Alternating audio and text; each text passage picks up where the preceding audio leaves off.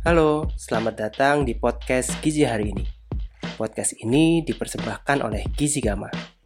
Saya, Hari Freitag, akan mengantarkan kamu mempelajari beragam hal yang menarik seputar ilmu gizi.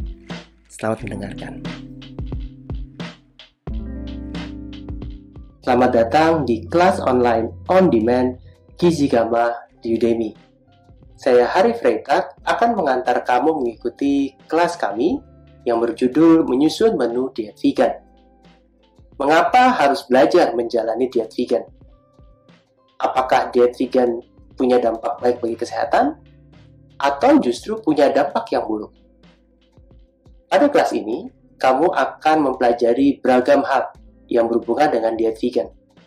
Kamu akan mempelajari bagaimana menyusun diet vegan, tapi sebelumnya kamu juga akan mempelajari rangkaian hal yang perlu diketahui untuk menyusun diet vegan. Diet vegan ini adalah salah satu diet yang cukup terkenal di seluruh dunia dan tidak terkecuali di Indonesia. Jumlah orang yang menjalani diet ini semakin meningkat. Meskipun salah satunya alasan yang dipakai adalah ingin menurunkan berat badan, sebagian orang menjalani diet vegan ini untuk mendapatkan kesehatan yang baik. Atau ada alasan lainnya. Jadi diet vegan ini diet yang cukup terkenal Terkenal karena dengan menjalani diet vegan, kita berusaha menurunkan asupan makan kita atau mengurangi konsumsi terhadap daging dan produk hewani lain, seperti telur dan susu. Ada beragam alasan di balik ini. Salah satunya adalah karena sustainability. Diet vegan dinyatakan sebagai salah satu diet yang cukup rendah karbon footprint-nya. Artinya, emisi gas yang kita hasilkan dengan mengkonsumsi atau menggunakan beberapa produk makanan hewani ini lebih tinggi dari produk makanan nabati. Oleh karena itu, ketika menjalani diet vegan, otomatis karbon footprint kita lebih rendah.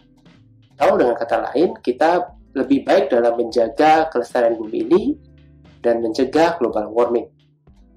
Diet vegan tidak hanya dikenal itu. Diet vegan juga diketahui berhubungan baik atau memiliki manfaat untuk meningkatkan kesehatan kita dan mencegah beragam jenis penyakit.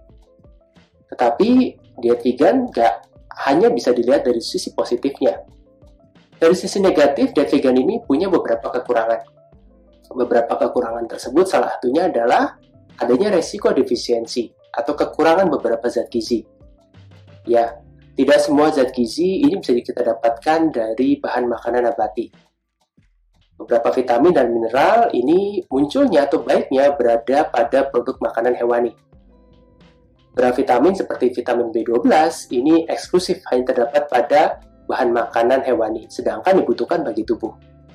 Nah, oleh karena itu, orang dengan diet vegetarian ini memiliki resiko lebih tinggi untuk mengalami defisiensi vitamin B12. Tidak hanya itu, diet vegan juga berdampak pada resiko beberapa defisiensi zat gizi berupa mineral. Beberapa mineral seperti kalsium dan zat besi ini sulit proses pencernaan dan penyerapannya ketika dikonsumsi dari bahan makanan nabati. Oleh karena itu, beberapa studi melaporkan bahwa ada risiko misalnya patah tulang atau mengalami masalah dengan proporsi tulang karena diet vegan ini. Juga ada beragam masalah lain yang bisa muncul kalau kita tidak memperhatikan. Oleh karena itu, memahami konsep vegan ini menjadi begitu penting sebelum kita menyusun menunya. Tidak hanya soal swapping menu nabati dan hewani, ya kita mengurangi hewani, lauknya kita sebelum ganti menjadi nabati, tapi juga ada konteks lain, bahwa kita harus memahami beberapa jenis lauk itu tidak lengkap beberapa zat gizi mikronya, sehingga perlu ditambahkan dari yang lain. Solusinya bisa fortifikasi atau suplementasi. Kita akan mempelajari nih, pada beberapa grup atau kelompok tertentu, misalnya pada ibu hamil, pada anak, bagaimana menjalani diet vegan yang baik. Pada rangkaian kelas ini, kamu akan mempelajari konsep diet vegan sebagai salah satu diet yang dikatakan cukup sustainable dalam menjaga planet kita untuk terhindar atau berkurang resikonya dari ancaman global warming. Meskipun sebenarnya mulai sekarang kita juga sudah mulai melihat dampak buruk dari pemanasan global. Tidak hanya itu, kita juga akan mempelajari mengenai sejarah diet vegan. Kenapa ada konsep atau terminologi diet vegan? ini bagaimana konsep atau peristiwanya? Apa yang membuat penamaan diet vegan ini? Lalu ini sejarahnya dari mana munculnya? Kita juga akan mempelajari bagaimana dampak baik dari diet vegan bagi kesehatan. Lalu ada resiko defisiensi yang harus diketahui sehingga kita bisa memilih bahan makanan yang cocok dan juga beberapa produk suplemen atau fortifikasi. Bicara soal produk, tentu sekarang di pasar sudah mulai bermunculan banyak produk vegan. Kalau di Indonesia kita kenal tahu dan tempe sebagai bentuk makanan vegan friendly yang memang kita konsumsi bukan tujuan untuk menjadi diet vegan, tapi menjadi bagian dari kebudayaan makan. Di luar sana sudah mulai banyak bermunculan produk-produk vegan. Bisa daging yang berasal dari nabati ya, yang kemudian disebut sebagai meat replacement, ada bentuk dalam bentuk setan, ada dalam bentuk TVP ya, dan beragam jenis produk vegan yang akan kita bahas di sini. Termasuk pengganti susu misalnya. Kita tidak minum susu sapi tapi bisa minum susu kedelai, susu almond dan sebagainya yang merupakan salah satu produk yang cukup laris di pasaran sebagai milk replacement. Dan ada beragam produk lain juga akan kita bahas. Selanjutnya kita juga akan membahas bagaimana menyusun menu, bagaimana mempolakan pagi, siang, malam dalam menjalani diet vegan ini.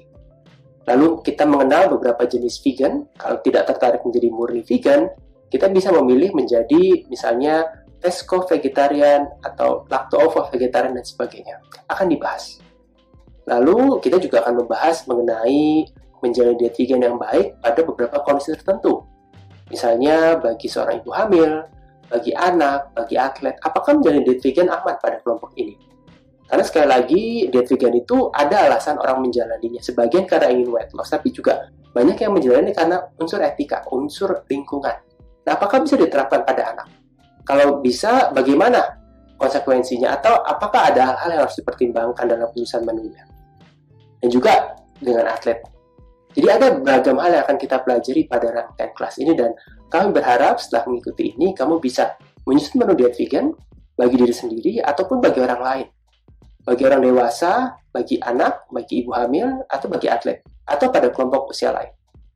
Jadi, diet vegan ini bisa diterapkan dengan begitu banyak perhatian. Perhatian ini tergantung pada kelompok umur, jenis kelamin, dan kondisi tertentu. Dan ini harus kita pelajari, sehingga nanti dalam menyusun menu nggak hanya cuma menu, kita juga harus memilih bentuk fortifikasi yang sesuai, atau suplemen yang harus digunakan. Ini adalah rangkaian dari kelas menyusun menu diet vegan. Saya Harif Freta, selamat menyaksikan. Terima kasih telah mendengarkan podcast ini.